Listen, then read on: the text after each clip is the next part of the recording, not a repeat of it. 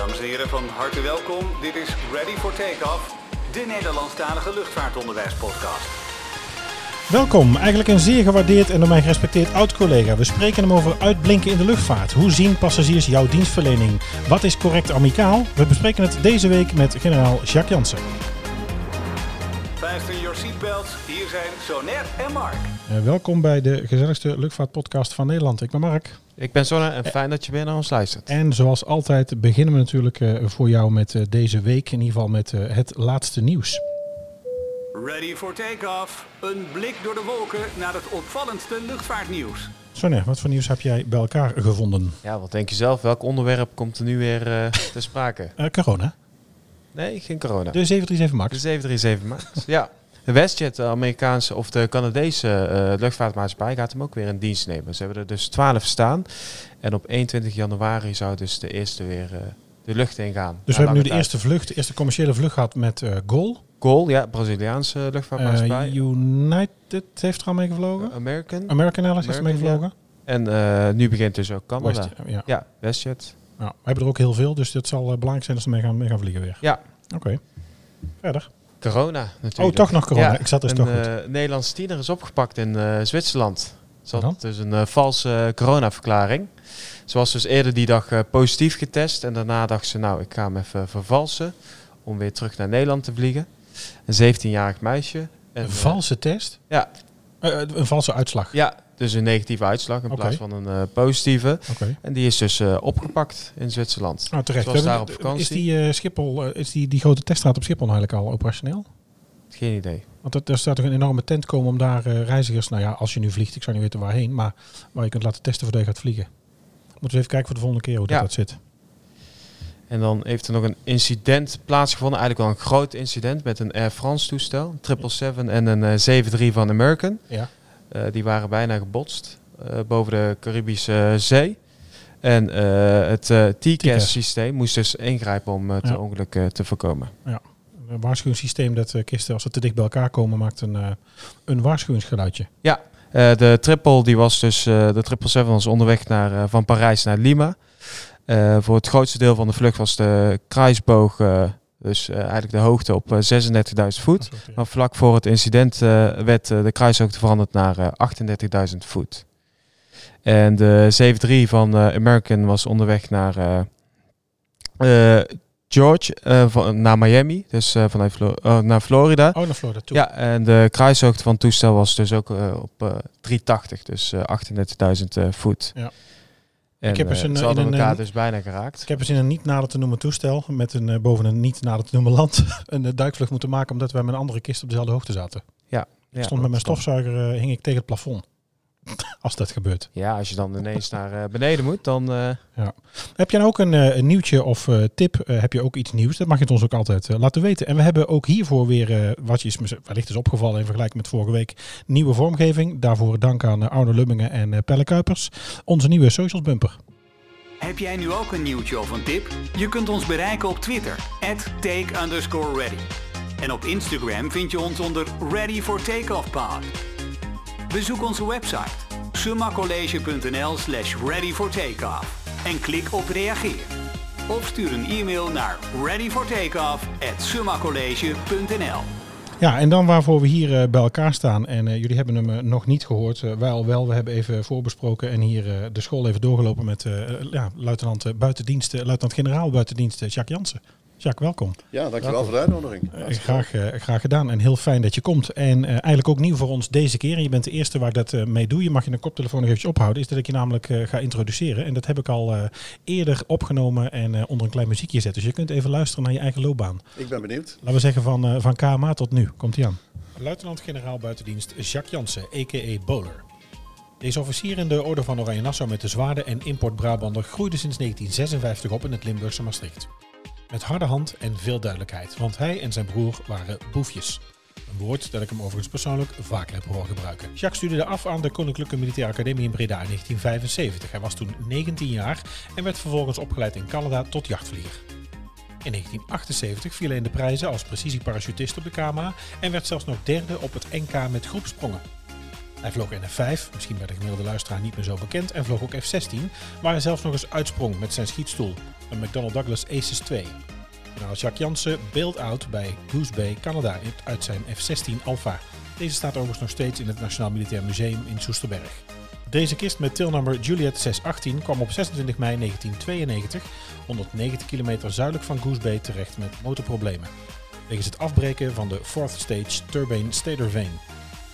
In de Koninklijke Luchtmacht vervulde Jacques diverse commando- en beleidsfuncties van squadron tot basiscommandant op Twente en doorliep het NATO Defense College in Rome. In 2004 werd generaal Jacques Jansen geplaatst op het ministerie van Defensie als voorzitter van de projectgroep Samson, belast met reorganisaties die voortkwamen uit de Defensienota 2003. Daarna werd hij chef-staf van het NATO Air Component op Ramstein in Duitsland. 52-jarige leeftijd, op 29 mei 2008 werd hij dan na Hans de Jong benoemd tot commandant der luchtstrijdkrachten destijds CLSK. Al in november van zijn eerste jaar had hij de twijfelachtige eer om de bakermat van de Koninklijke Luchtmacht, de vliegbasis Soesterberg, te sluiten. Inmiddels vliegt hij al lang niet meer balzout en in 2012 ronde hij zijn militaire loopbaan af en werd directeur van Eurocontrol tot 2017. En op september 2018 werd hij voorzitter van de Raad van Toezicht van het Nederlands Aerospace Center en nu, anno 2020, doet hij steeds minder en gelijk heeft hij. Jacques Jansen, welkom. Welkom. Kijk, Jacques. Dankjewel. Je hebt juist werk goed gedaan, moet ik zeggen. Kijk, is maar, daar fijn. ben ik, maar daar ben ik gewend.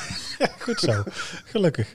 Nou, het is even eh, toch wel een hele enorme carrière natuurlijk eh, in de luchtvaart. Eh, zelf vliegend en als bevelhebber van een, van een groot bedrijf. We gaan daar zo meteen nog verder ook op in. Maar ik zat natuurlijk dit voor te bereiden. Ik, eh, ik eh, stuurde je gisteren ook al foto's via de WhatsApp die ik eh, heimelijk had gemaakt vanuit het toestel op jouw Ja, afscheidstrip. dat zag ik, ja. Dat is een, eh, een trip, eh, nou ja, om nader te noemen, niet nader te noemen reden, dan gaan we hier alles uit de doeken doen hoe die trip eruit zag. Ehm nou, andere trip op mijn netvlies is ook wel eh, kerst, samen met andere commandanten en eh, mensen van de krijgsmachtsdelen. Ehm, nou ja, met ook wel, moet ik zeggen, voor mij inspirerende man, ehm, eh, met Peter van Nuem, eh, destijds eh, de CDS. Ja. Ik herinner me nog eh, uitspraken als eh, Volle Maan en Reveille, waarmee de, de hele pers, eh, de, de pers opstond uit zijn stoel. Ja, daar was jij niet bij zo net, dat weet je natuurlijk niet. Maar Nee. in, Ja. in de Gulfstream waren we onderweg. Ja, ik denk, eh, nou ja, troepenbezoek. Het was volgens mij van Afghanistan naar Nederland terug. We hebben dat sowieso rond oudjaar gedaan. Ik heb toen oliebol in Dubai gefixt en ik had champagne bij me. Ehm, Je hebt oliebollen in Dubai gefixt. ja, ja, daar zat Hoe natuurlijk een, nou, daar zat op, op, eh, op Al Minat, een klein veldje in, in Dubai in de woestijn, zat natuurlijk een, eh, een Nederlands detachement. En ik heb daar gevraagd met de tussenlanding en de tankstop en het bezoek van, eh, van Jacques daar, ook om te vragen dat ze daar oliebollen voor mij wilden bakken die ik mee kon nemen. Want wij zouden rond, ik denk de jaarwisseling in Nederland, dus Nederlandse tijd 12 uur, zouden wij boven Pakistan hangen. En dan zouden we daar dus oudjaar, nieuwjaar kunnen vieren. Dus ik had champagne in Nederland al meegenomen en oliebollen in Dubai vers laten bakken. Grappig. Dat was mijn feest. Ja, en dat zijn, dingen, dat zijn natuurlijk dingen die blijven je altijd bij. En het, ja, het leuke is, een Gulfstream is natuurlijk een, een relatief klein vliegtuig. En daar kun je dit soort dingen in doen. Ook grapjes uithalen. Ja. Twaalf stoelen, voor degene die het niet weet. Maar in een, eh, in een grote kist zou ik dat niet doen. Want dan maak je midden in de nacht geen vrienden, denk ik. Nee, het was zo dat wij dus die nachtvlucht eh, terug naar huis hadden. En eh, met zo'n bezoek is natuurlijk ook vaak pers mee. Op uitnodiging overigens, die natuurlijk meevliegt. Zaten vaak als eh, Jacques voorin zat, zit de pers dan achterin bij mij. En in een volledig duister gemaakte kist, om natuurlijk even te slapen voor de passagiers. Ja, roept Jacques tegen het ontbijt, terwijl hij zelf wakker was en eigenlijk dacht, ik heb nou lang genoeg in het donker gezeten. Schuift hij het raamluikje een beetje open en roept kaart reveille door de kist. Waardoor dus, nou, er zat een, volgens mij een verslaggever van de Telegraaf tegenover me. Nou, ik heb nog nooit iemand zo zien schrikken. Midden in de Daar had ik bij moeten zijn. Maar het voordeel is wel dat iedereen meteen klaar wakker is. Ja. Ja, Ja, en als de generaal roept reveille, ja, weet je, dan komen we eruit. ja dan, eh, dan eh, schiet je Ja. wel wakker, ja. Hey, eh, Jacques, straks fijn. als alle F-16's zijn vervangen door eh, F-35's en eh, de Gulfstream die nu eh, volgens mij te koop staat of waar ze vanaf willen en ze willen iets nieuws weg is, hebben wij naast een, eh, een verleden in de luchtmacht een, eh, een blauw uniform, eh, bier in eh, Trappers Cabin en eh kattenkwaad uithalen met Cat, hebben wij nog één ding gemeen. Alle vliegtuigen waar we zo meteen op gevlogen hebben, die zijn er niet meer. Inderdaad. Dus dat is toch wel, eh, Inderdaad. Ja. dat is heel gek. Ja, zo gaat dat. Maar dat is, dat is ook ontwikkeling. En ik vind ontwikkeling ook fris. En het moet altijd vooruit gaan en vooral niet achteruit. En zeker Nee. niet blijven steken. Nee, nee, dus er moet zeker wel wat. er is heel wat veranderd sinds die tijd. Dit is nu mijn achtste schooljaar. En ehm, ja, jouw afscheidstrip is dus. ehm, ja, dat is negen jaar geleden. Dat is negen jaar geleden. Ja. Nou, ik wil er wel wat over zeggen. Dat was, dat was een. eh, we hebben natuurlijk de luchtmacht eh, op dat moment en nu ook over de hele aardbol eh, mensen zitten. En in de Verenigde Staten, ja, er zitten op, weet ik wat, acht of negen plekken destijds zat personeel. Soms gaat het om enkelingen, soms zijn het grotere groepen. En als je vertrekt, dan is het natuurlijk buiten de formaliteiten die hier in Nederland ja, geregeld zijn of die je, die je doorloopt, is het ook wel aardig, vind, vond ik, om nog even bij je mensen te zijn. En, en Ja. vandaar dat ik, ja, ik had wel mazzel hoor. Ja. Dat, ik, eh, dat dat met de Gulfstream kon gebeuren. Eh, zijn we die, eigenlijk al die onderdelen afgegaan en handje, om handjes te geven. Ja, we hebben alle, alle opleidingsvelden van de luchtmacht, zeg maar, alle externe velden in Amerika hebben we bezocht. Ja. Dat is het. Het is eh, Washington, Pentagon tot aan, eh, ja, waar zijn we geweest? Ehm, eh, het opleidingsveld F-16, we zijn in Tucson, Arizona. We zijn naar, ehm, ehm, god help even, Ja, dan moet ik in mijn geheugen gaan. Fort Worth zijn we geweest. Daar, Natuurlijk, was toen ja. nog, eh, daar werd toen nog de F-35 gebouwd. Was toen nog wel of niet helemaal zeker volgens mij dat die Nou, kist in ontwikkeling. In, nou, die was in ontwikkeling. En volgens mij was de, de, de eerste, toen ik wegging, een maand daarna kwam de eerste Nederlandse F-35 van de, van de Ja. productielijn af. Dus er waren er al wel een aantal, die vlogen ook. Ik heb ze ook zien vliegen vanaf, vanaf Fort Worth eh, daar. Maar het productieprogramma, dat liep. Ja. Dat liep toen al en nu dus nog steeds. Wichita Falls zijn we geweest. Opleidingsveld waar Wichita natuurlijk eh, Falls, de ja. Nederlandse jachtvliegers voor het eerst in een eh, wat sneller vliegtuig gaan vliegen dan een. Pilatus. Ja, ja, Ja. ja. Ja, het was een bijzondere trip. Ja, je hebt nu eigenlijk voor het eerst een eh, oud collega tegenover Ja, dat je heb ik- staan. Hè? ja, dat Normaal gesproken zijn het, ja, ik, kom, ik werk dan in de civiele luchtvaart. Hè, en voor jou was dat natuurlijk anders. Ja. En nu kun je, heb je dus eindelijk iemand eh, tegenover je staan eh, waarmee je dus eh, Ja. ja, dezelfde ervaring kan delen Ja, en de- dezelfde kennis kan delen. Ja, ik heb natuurlijk ook. Dus mijn schoonvader heeft natuurlijk ook bij de luchtmacht gezeten, 30 jaar. En het is door hem dat ik ook bij de luchtmacht kwam. Maar inderdaad is ja, Jacques nu eigenlijk de eerste, de eerste en de enige waar we nog zo dat even in de podcast mee bespreken sowieso. Jullie Ja. hebben samen in hetzelfde toestel eh, gezeten. En heel Ja. veel. ja inderdaad. Daar ben ik straks wel even benieuwd naar. Hoe jij eh, Mark eh, als, eh, als purser, eh, Oh, dus dan haal ik mijn koptelefoon er even uit. gastheer... eh, Nou, daar kan ik wel kort over ervaren, zijn, maar ik doe dat straks wel als Dat het we aan, de- straks, aan, aan de orde komt. Maar mijn vraag aan jou, Jacques. Is dit je eerste deelname aan een podcast? Of heb je al eerder in een podcast gezeten? Ja, nee, dit is absoluut de eerste keer. Eh, een vlog, ja goed, dat zelf doe je dat sowieso niet. Ja. Eh, daar kijk ik wel eens naar. Eh, een podcast luister ik eigenlijk zelden naar, totdat ik door Mark eh, werd getipt dat jullie dat deden. En af en toe dan, dan, eh, ja, dan luister ik naar zo'n ding. denk ik, Dat is eigenlijk wel verrekt, een verrekt leuk medium. En dat spreekt eh jongelui ook heel erg aan, denk ik. Want ja, Ik denk dat het werkt, nog steeds. ik Ja. denk dat jongelui Eh, niet- wat luister je al? Heb je, heb je iets wat je buiten ons hebt geluisterd? Nee, nee, Nee, nee, nog ben niet. Ik, ben ik heel eerlijk in. Nee. Nee, maar dat zou dan misschien nieuws kunnen zijn. Eh ja, luchtvaart weet ik niet of je daar nog op zit te wachten. Maar dat is natuurlijk voor iedereen apart. Eh, Voor iedereen eh, moet het voor zich weten. Bij studenten zien we en merken we, en ik, we komen er nu ook achter, doordat we natuurlijk nu op aflevering 58 zitten. Ehm, ehm, we hebben steeds meer. We hebben nu bij iedere les, bij ieder onderwerp, bij ieder, ieder procedure of bij alles wat we zo'n beetje aansnijden voor de nou, eerste, tweede en derdejaars hebben we vaker wel een podcast. Dus je kunt naast wat wij in de les vertellen, heb je gewoon een aanvulling. Of heb je een herhaling van wat je even hebt gemist. En je kunt dat ja, luisteren in je auto, in de trein, in de bus, in bad of bed. eh, waar je het zelf wil. En je kunt mij ook uitzetten als je het niet meer wil horen. Dus Ja. dat is wel wat. Dat is wel een voordeel. In, eh, ja, oh, dank je. Nee, maar, maar zeker, eh, het, het is natuurlijk het is echt on demand, wat natuurlijk ook deze tijd is, hè, met Netflix en Amazon. En, en Ja, het, het, het, het wordt ook steeds meer ontdekt door de mensen. Ook, dat hoor Ja. ik dan ook eh, in mijn omgeving. Podcast is niet bij iedereen bekend. Nee. En nu, vanwege corona denk ik ook, is het ook steeds meer booming. En je ziet Zeker. het ook gewoon eh, in de nieuwsapps terugkomen. Bijvoorbeeld nu.nl hè, heeft ook regelmatig podcasts erop staan. Dus het, het, is, het wordt ook steeds meer booming. Samengevat, om Ja. het niet meer te hoeven lezen. Weet je, we zijn natuurlijk Ja. ook als je kijkt naar deze, naar deze leeftijd, of in ieder geval, laten we zeggen, de generatie waar wij de podcast in principe voor gestart zijn. We weten dat er hè, met 30.000 streams, we hadden het net over voordat we begonnen, weet ik dat we gewoon buiten onze 200 studenten meer luisteraars hebben. Want ik weet Ja. dat ze niet alle 200 luisteren. Dus er is blijkbaar markt. Maar eh, ja, weet je, het is toch voor deze generatie eh, fijn om, om waar dan ook iets, eh, iets tot je te kunnen nemen. Zeker. Ik moet je eerlijk zeggen, toen, toen, eh, toen jij ermee begon, ehm, ja goed, daar, daar beginnen veel mensen met innovatieve ideeën. En ja, er zijn er ook heel veel die, die stoppen heel snel weer, omdat het doodbloedt. Ja. Ja. En Toen jullie net begonnen, toen dacht ik zo, dat, eh, dat, daar zit een aardige routine in. Dat loopt, dat loopt heel snel door. Het klinkt ook, ehm, ja, ik zou haast zeggen, professioneel en, en vlot. En Ja. eh, die nieuwsdingen, denk ik ook, hoe zou ze eraan komen? Alle drie de dingen, hoewel ik pretendeer toch wel iets van de lucht- en ruimtevaart af te weten. Maar voor mij waren ze alle drie nieuw. Oké, dan is het dus echt Voor- nieuws. Voorlopig. Ja. Nou, we proberen ook wel zo professioneel mogelijk. Ik, dat, dat, dat- daar maken we echt werk van. Ja. Daar wordt ook geld aan uitgegeven. We hebben nu de nieuwe vormgeving, nieuwe jingles. Dat is ook niet gratis. En nieuwtjes, ja, dat is heel veel nieuwsites afspeuren. Maar ook eruit halen waarvan wij denken... sorry, dat is nou leuk voor studenten of is even anders. En is anders dan mainstream. Want weet je, dat kun je... Ja. Alle andere dingen kun je ergens anders al lezen. Ja. Dat is het. En waar we het voor maken, Jacques, meer daarover. Je bent natuurlijk als generaal van een, ehm, nou ja, van een groot bedrijf met, eh, de- ik denk destijds 8000 medewerkers, denk ik zo'n beetje. Ja, ja. Ehm, nou ja, opleiden en ontwikkelen van jong talent. En daar willen we het eens verder over, aan de tand, eh, dat over de tand voelen. En jij hebt eh, in een interview jezelf ook wel eens je, jezelf getypeerd als doodnormaal. En dat je 100% inverwacht, inzet verwacht van je personeel. Dat je van eerlijkheid houdt, dat je van aanspreekbaarheid houdt. En een werkveer waarin iedereen zich, eh, zich op zijn plek voelt. Dat waren voor jou eh, belangrijke speerpunten. Ja. Vind je dat eerlijkheid en aanspreekbaarheid nog wel van normaal niveau zijn deze tijd? Nou, het verandert. Dingen veranderen wel.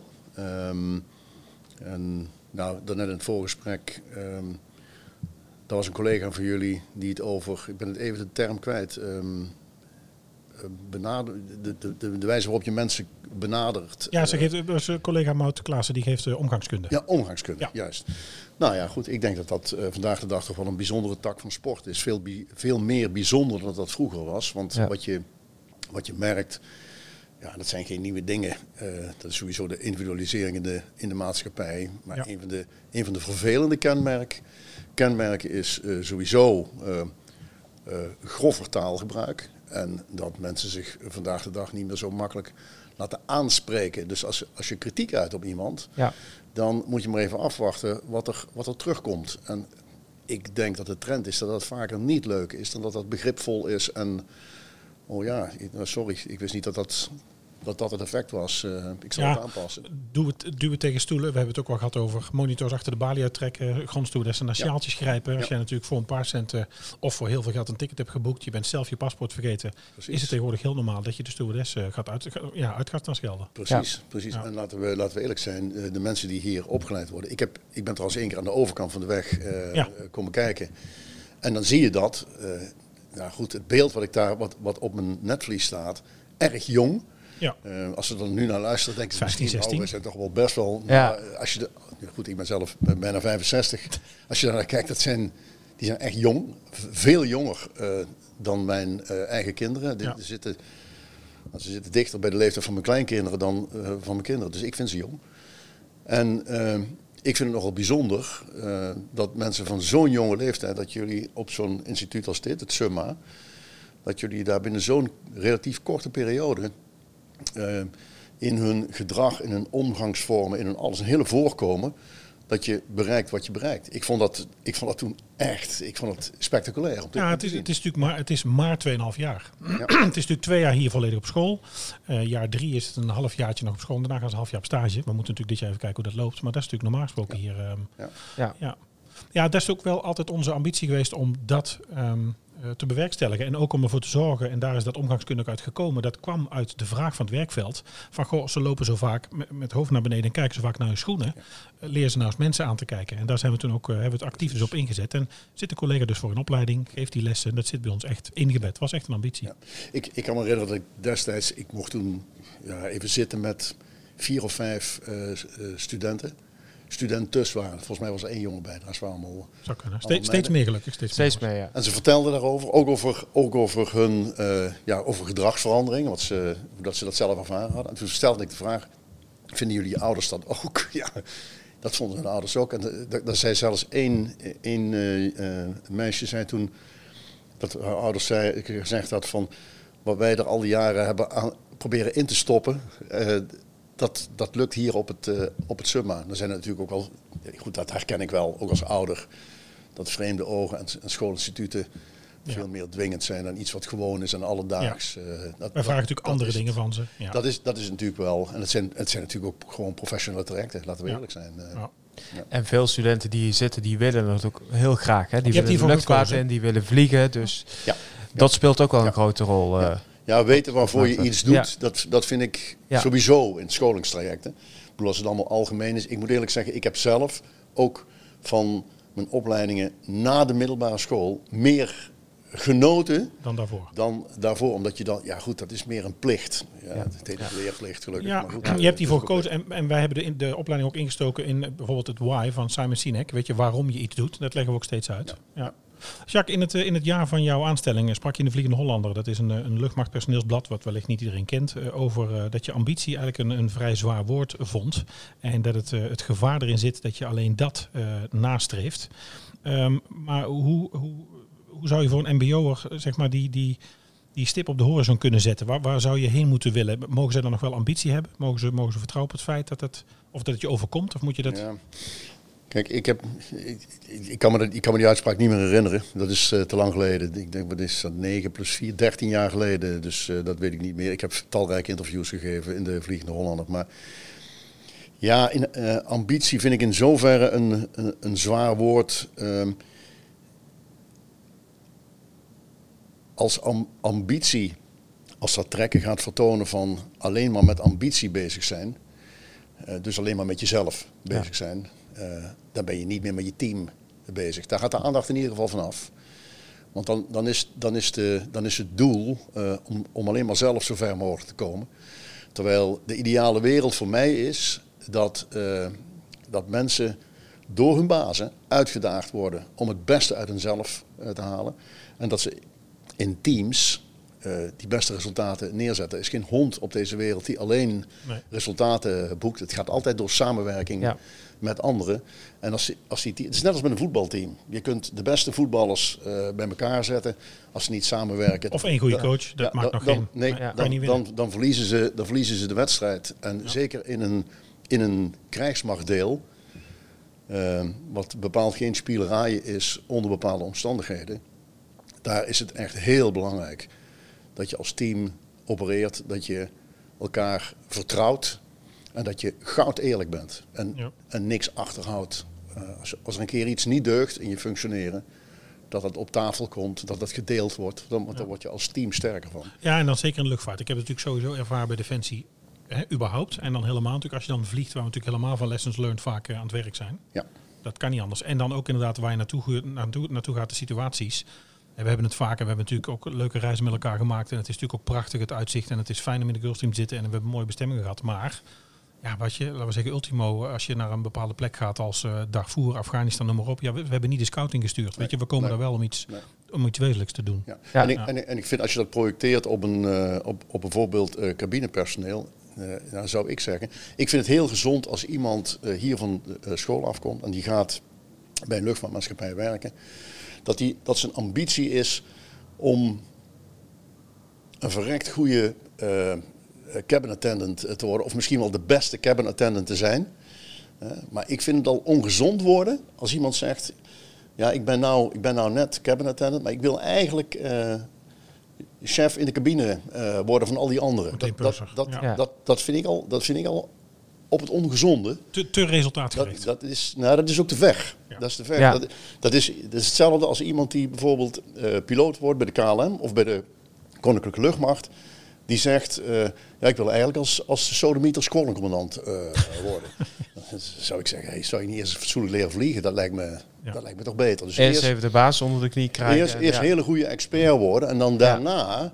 Want het is, en ik, ik vind overigens ook veel meer nodig dan...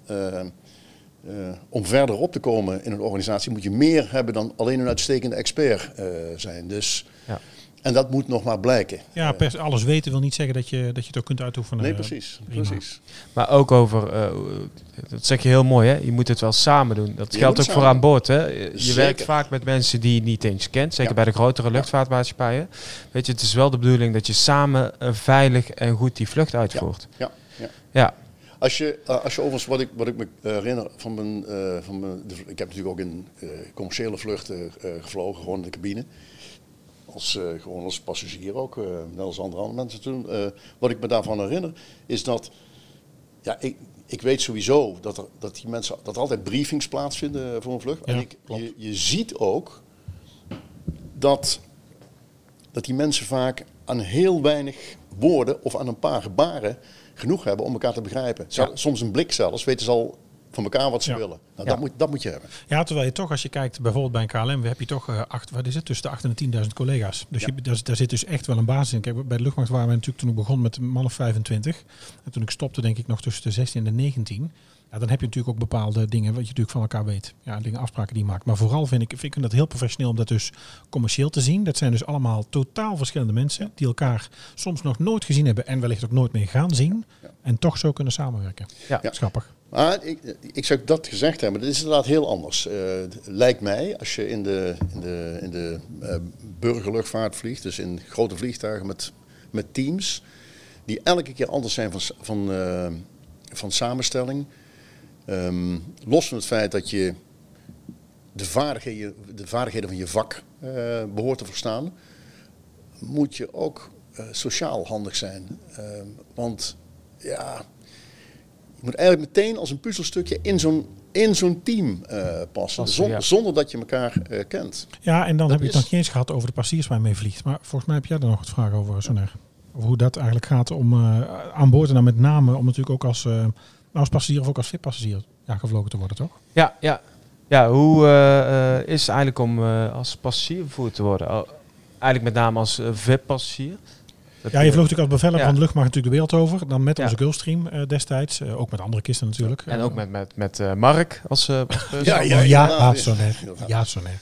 Ja, nou goed, als je, als je als passagier gewoon op vakantie gaat, wat ik zelf natuurlijk ook gedaan heb, of er- ergens naartoe. ehm, ehm, wat ik belangrijk vind is, ja goed, die mensen in een cabine, los van het feit dat ze, dat ze je eten en drinken eh, brengen, vind ik het ongelooflijk belangrijk ehm, dat als je ze ziet werken, ehm, dat je ook vertrouwen kunt hebben in die mensen.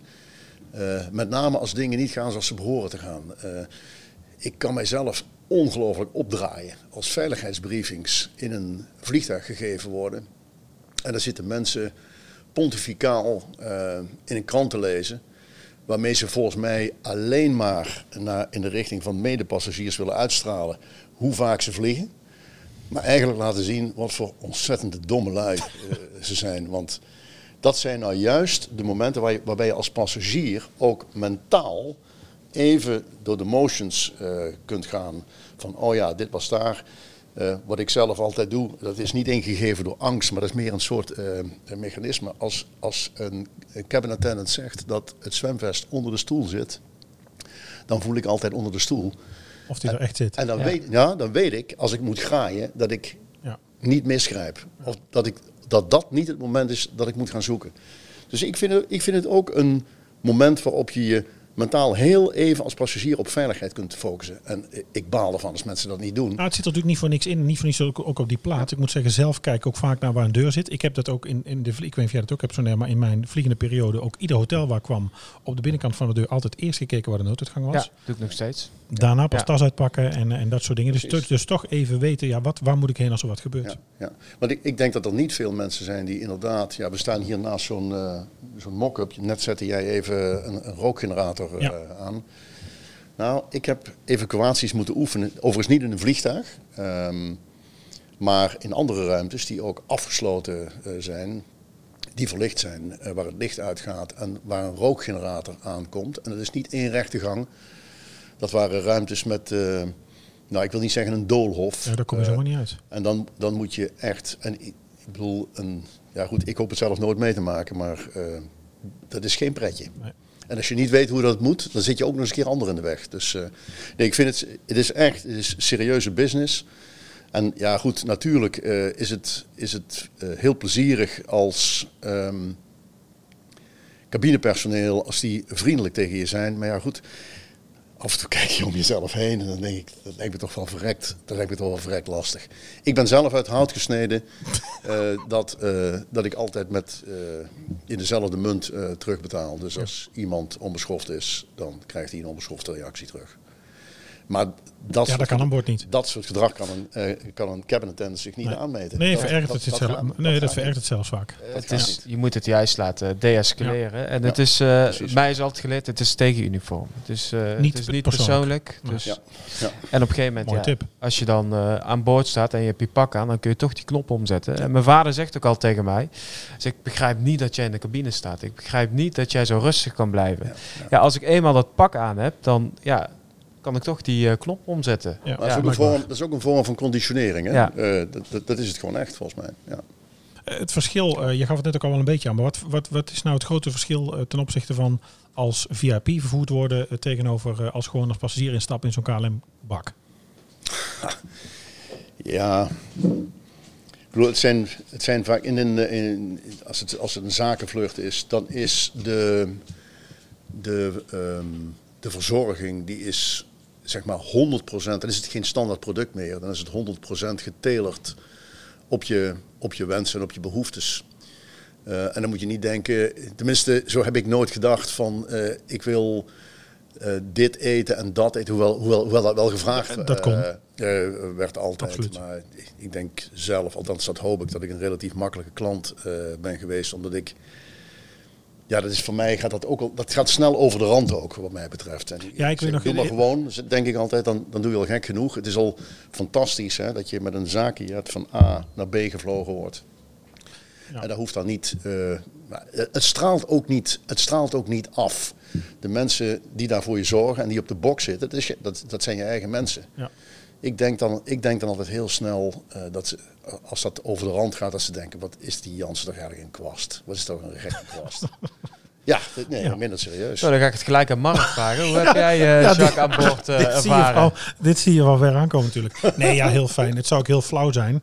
Eh, ehm, ik moet wel zeggen, we hebben natuurlijk... ehm, we zijn in de afgelopen jaren nog wel eens zo nu en dan eh, om, om diverse redenen in contact geweest. Ik moet nu zeggen, nu voor de podcast hebben we natuurlijk... eh, we wilden gewoon eens even in gesprek van... Nou god, hoe kijk jij nu als manager van een bedrijf met 8000 man... toch ook vaak jonge mensen, een in- en uit vliegen van nieuwe mensen.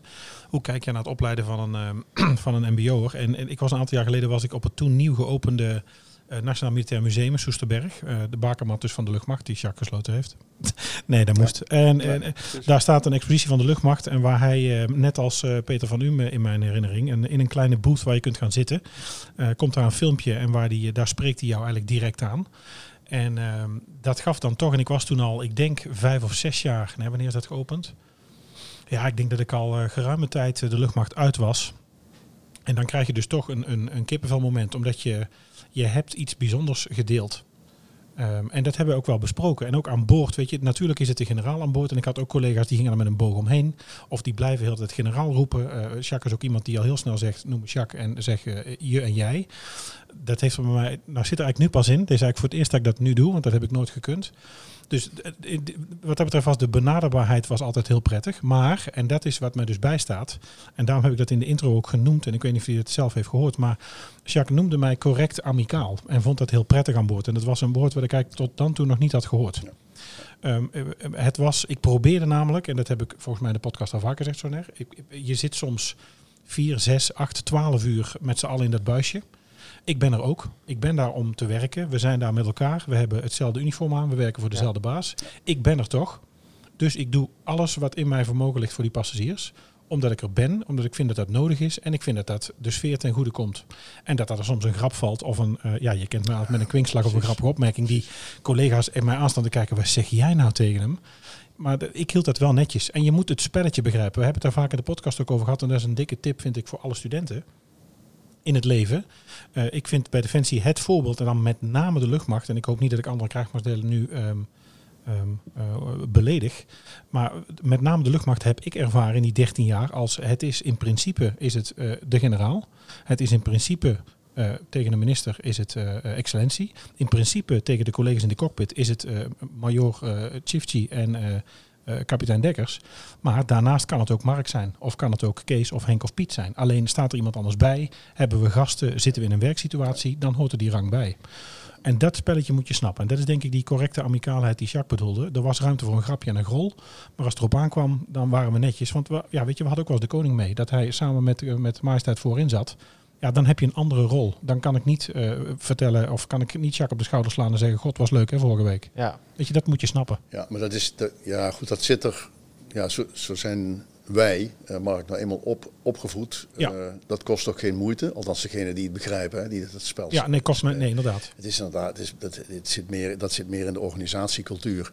Maar ook dat, ja, dat, ja, op het moment dat dat zwaar gaat voelen, is er al, klopt er al iets niet. Dan, Dus, maar dat kun je ook niet volhouden. nee. Dan nee. sta je namelijk iets te doen. Dan ga je namelijk dan ga je de deur uit en dan ga je je masker opzetten of ga Ja. je Ja. iets aanmeten. Dat is niet vol te houden. Ja. Maar in algemene zin, hè, ik, ik denk, kijk, een eh, cabinepersoneel. eh, ik denk dat heel veel mensen denken, ja, die, die, die, die, die zijn daar om, om het mij zo plezierig mogelijk te maken. Dat zullen ze ook vast proberen. Eh, dus dat is een dienende rol. Eh, maar er is ook een dirigerende eh, rol. ja. En ja, dat is een. Dat is een Functionele meerder aan boord. dat is een, ja, Ja. En dat is een balanceer, dat is een balanceeract. Ja. Wanneer ben je nou dienend en wanneer ben je nou dirigerend? En ja, die moet je, als je die balans niet kunt vinden, dan lijkt me dat vrij moeilijk om in een cabine te, ja. je op je gemak te voelen, laat ik het zo zeggen. Nou, dat is het. Als je natuurlijk zelf bang wordt of je gaat eh, veiligheidsregels, eh, nou ja, laten we zeggen, aan je laars lappen. Of je moet je inderdaad een rol aan gaan meten. Ja, dat Ja. is gek. Ja. kun je geen 12 uur volhouden. Ja. Ja. ja, je hebt ook echt een dikke huid nodig hoor. Zeker in deze Ja, dat tijd. denk- dat het, denk ik. eh, het wordt steeds erger. Vliegen Ja. met bekende gezichten, Jacques. Is, is dat nou fijn of niet? Ik bedoel, in de, in de tijd dat je natuurlijk vloog, dan kom je natuurlijk, wij vlogen met een paar mensen Gulfstream. Eh, zit daar voor jou verschil in? Is dat een, eh, gaf dat een, een, een, een ontspanning, een zekerheid, een vertrouwen? Of maakte dat niet uit? Ehm, het, ehm, het formele antwoord is: het maakt niet uit, maar ehm, natuurlijk maakt dat wel uit. Ja. Eh, alleen, ja, het is niet, niet zo chic, vind ik, om dat te laten merken of je voorkeur uit te spreken. Nee. Behalve als het de spuigaten uitloopt. Dat, dat zou kunnen. Dan zou ik dat wel doen, denk ik. Maar no- niet. Ja. En toch weer, dus ook, je komt ook weer een beetje terug eigenlijk op dat aanspreken op gedachte dat het dus toch zou moeten kunnen. Ja, ja, ja. Ik, ik, ik, ik bedoel daarmee te zeggen, het is natuurlijk, er is niks goeds of slechts aan, eh, aan wisselende cabinebemanning en dat je bij de KLM vliegt. Nee. Maar een zakenjet, eh, laten we zeggen, bestellen en een, eh, en een stewardess of een steward aan boord hebben. Of een poeltje met bekende mensen, wat vaak bij VIP's gebeurt. Ja, geeft natuurlijk toch wel vertrouwen. Er worden natuurlijk Ja. ook wat dingen besproken die niet op straat horen te komen te liggen. En dat kan natuurlijk alleen maar bij, bij bekenden. Ja, ja. ja, maar jij weet ook dat ik. Hoe dat heb je gemerkt, denk ik. Dat, ik denk dat jij vaker aan boord bent geweest bij mij dan, dan anderen. Ja. En dat komt niet omdat de, plan, de planner bij je 3D4 squadron dat Oh. zo, in, Oh. zo invult, denk ik. Nee, dus dat is het. Maar ik zeg ook, je moet daar voorzichtig. Je moet daar ontzettend voorzichtig Ja. mee zijn. Want zeg maar, anders eh, schoffeer je mensen ook, hoor, die, die, die, het ook. Die het ook goed doen. Maar dat is, net, dat is dan net dat, net dat beetje meer. Ja. En, dat, en dat, dat zie je. Dat merk je dus. Eh, zijn er nog andere anekdotes, opvallende zaken? Wat is nou echt waarvan je zegt, dat staat me dan nog bij uit die tijd? En als het dan gaat over vliegen, dienstverlening, een, een touching point, een aanraakpunt, iets waarvan je zegt van, dat is me nou, dat viel nou op, dat was iets, dat was iets anders. Mm. Dat heb ik anders niet gezien. Bij de, bij de luchtmacht? Of in Ja. die, in die, in die, Dat maakt niet uit in die tijd. in vliegtuig? Ja? Ja, goed. Ik heb de, ik heb de hele ontwikkeling meegemaakt van dat er in de transportvliegtuigen in eerste, in eerste instantie, daar waren F-27's, daar was nooit cabinepersoneel. Mhm. Nooit. Er kwam iemand van een flight deck af en... eh, Oh, F27, zo nee, ook weer zo'n kist wat niet meer vliegt. Of Fokker 50. Voor, wie heeft, deze week, wie heeft ze nou weer weggedaan, de laatste? Ik weet niet meer. Oh, ik ga zoeken. Ik heb het al gelezen. Ja, ik ga Ik ben het zoeken. alweer vergeten. Ja. Ja. Nee, maar daar zie je dus inderdaad dat, eh, en, da- en dan wordt je ook duidelijk dat het, dat het zo'n speciale tak van sport is. Je kunt niet iemand een, een mooi pak aantrekken en zeggen van eh, ga jij maar in de cabine staan. Dat werkt, dat werkt gewoon niet. Maar ik heb het zien ontstaan van helemaal niks. Dus dat is zitten, riemen vast. En je blijft op je, op je achterwerk zitten totdat je weer aan de grond eh, bent. Ehm, tot inderdaad in eerste instantie de inhuur van eh Martin Air Cruise waren dat? Oud Martin Eh, Stewardess. Ja, ja, Skyjob. Oud Martin Air. Ja, nee, volgens mij bestaat het, eh, het, het inhuurbureau nog steeds op eh, Schiphol Oost zit het. Ja. Daar zit een kantoor aan de, tegenover de tower en tegenover ehm, eh, waar KLM kledingpassen zit en de catering Ja. operations volgens mij.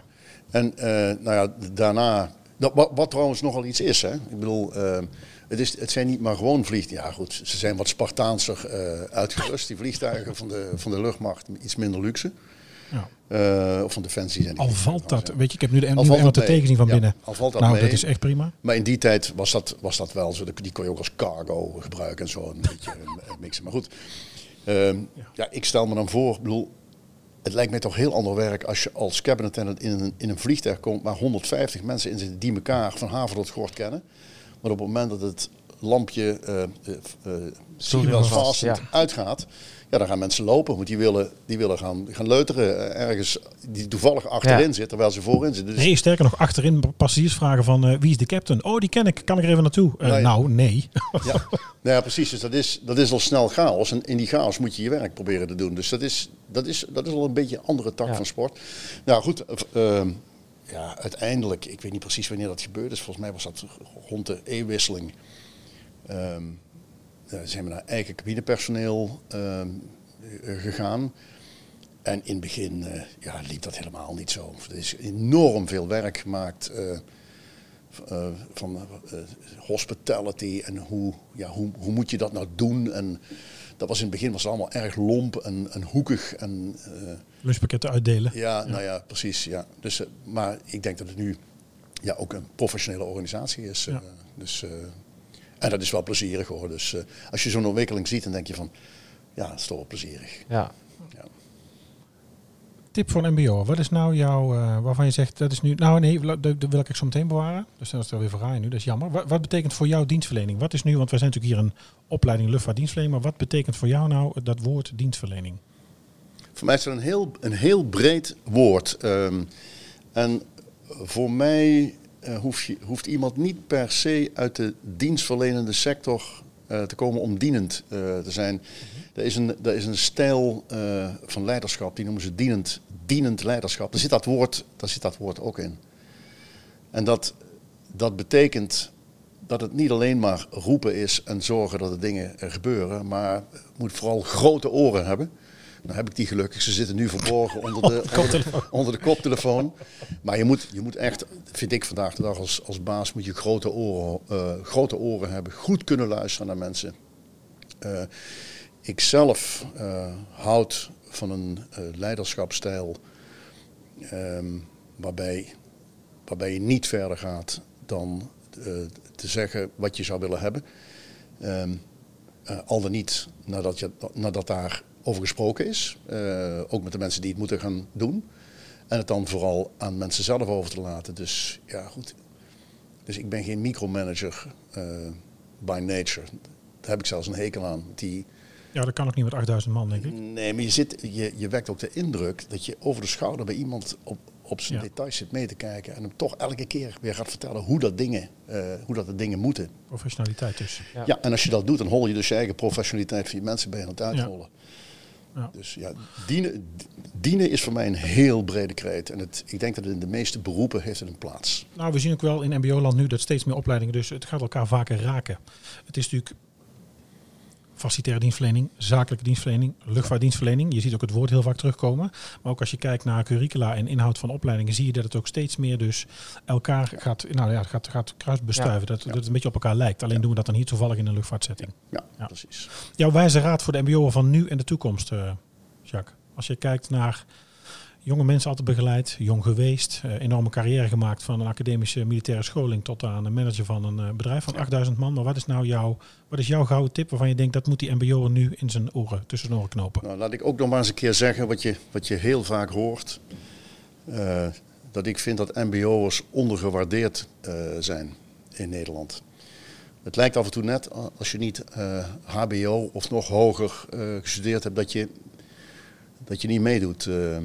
Uh, ik kan je vertellen uit de ervaring die ik heb en ook bij mijn eigen kinderen, uh, weet ik dat uh, de MBO'ers, dat is echt de, de ruggengraat ehm, van de maatschappij. Dat ja, de, dat vind, ik vind het geen fijne uitspraak, maar de kurk waar Nederland op drijft heb ik ook wel eens gehoord. Maar, ja, ja. Nou, is echt een ruggen, ik vind het echt een ruggengraat. Ja. Eh, het zijn puur zang-experts ehm, die Um, het, zijn, het zijn vaak vaardigheidsberoepen.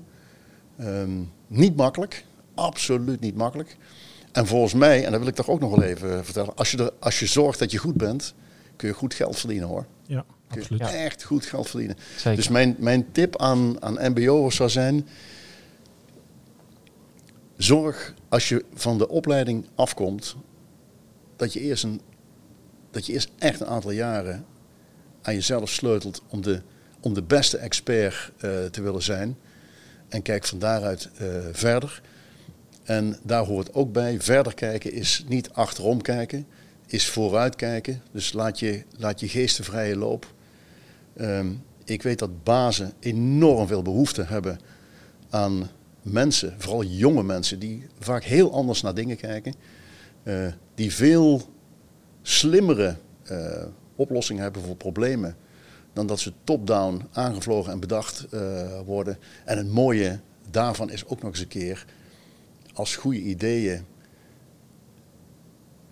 vanuit de mensen zelf komt, dan is er ook nog eens een groter draagvlak om te zorgen dat ze succesvol geïmplementeerd worden. En daar kun je alleen maar blij van worden. Ah, dat is een, eh, een mooie afsluiter Ja, voor nu. zeker. Dames en heren, maak uw stoelriemen vast. Dit is Ready for Takeoff, de Nederlandse luchtvaartonderwijspodcast. En dan, eh Soner, dan wilde jij nog wat vragen. Wilde ik nog wat Ja, vragen? je wilde weten hoe ik natuurlijk aan boord was. Ja, Dus dan trek ik even, de, even de koptelefoon wat? eruit. En dan Oké, kun jij met Jack even aan de gang. je hebt natuurlijk meerdere eh, collega's aan boord gehad hè, die eh, jou hebben verzorgd.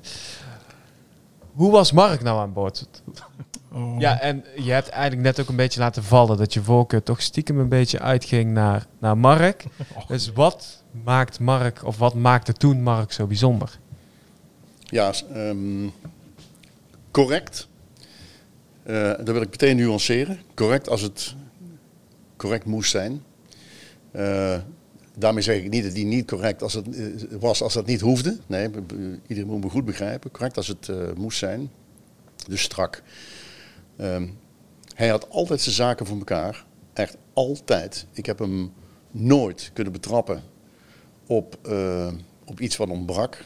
Ehm, dat was altijd een heel plezierig samenspel, eh, kan ik me herinneren. Dat, eh, vooral als het over tijdstippen waarop dingen moesten en zo. En, en ja, hoe dat, ja, gewoon ook wat er, in de, wat er in, de, in de cabine moest gebeuren op tijd.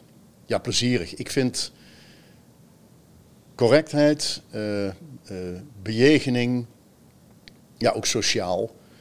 Ehm, ja, ik denk een voorbeeld. Ik denk ook daarom dat hij het hier zo leuk vindt op het Summa, eerlijk gezegd. Ja, ja eigenlijk zoals je het allemaal hebt gezegd, zo omschrijf ik Mark ook. Het is heel herkenbaar. Het is dus, dus hij is dus niet alleen daar zo geweest, maar ook hier bij het Summa. Ja. Het is ook...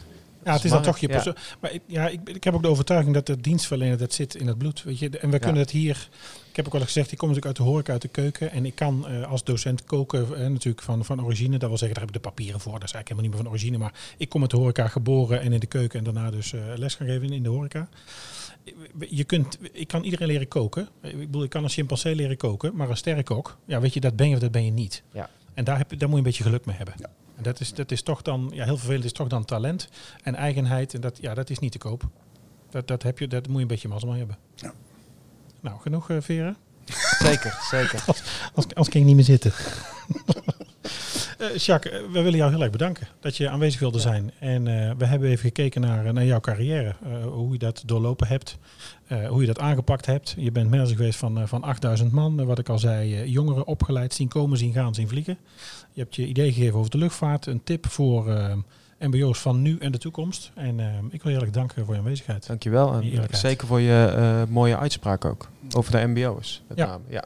Ja, bowler. ja. Dankjewel, dank jullie jullie wel moet ik zeggen voor de, voor de uitnodiging. Het is erg leuk om te doen, moet ik zeggen. Het is spon- spontaan, ik heb niks voorbereid, dus het komt allemaal Nee, we save het voor de show. Dat hoort erbij. super. Hartstikke leuk. Jacques, heel erg bedankt. Dankjewel. Eh, mocht je meer willen weten, we gaan eh, show notes plaatsen met daarin alle details. Ook nog wat eh, linkjes van ons gesprek naar Jacques. En eh, nogmaals, Jacques, heel erg bedankt en uh, snel tot volgende week. Tot volgende week.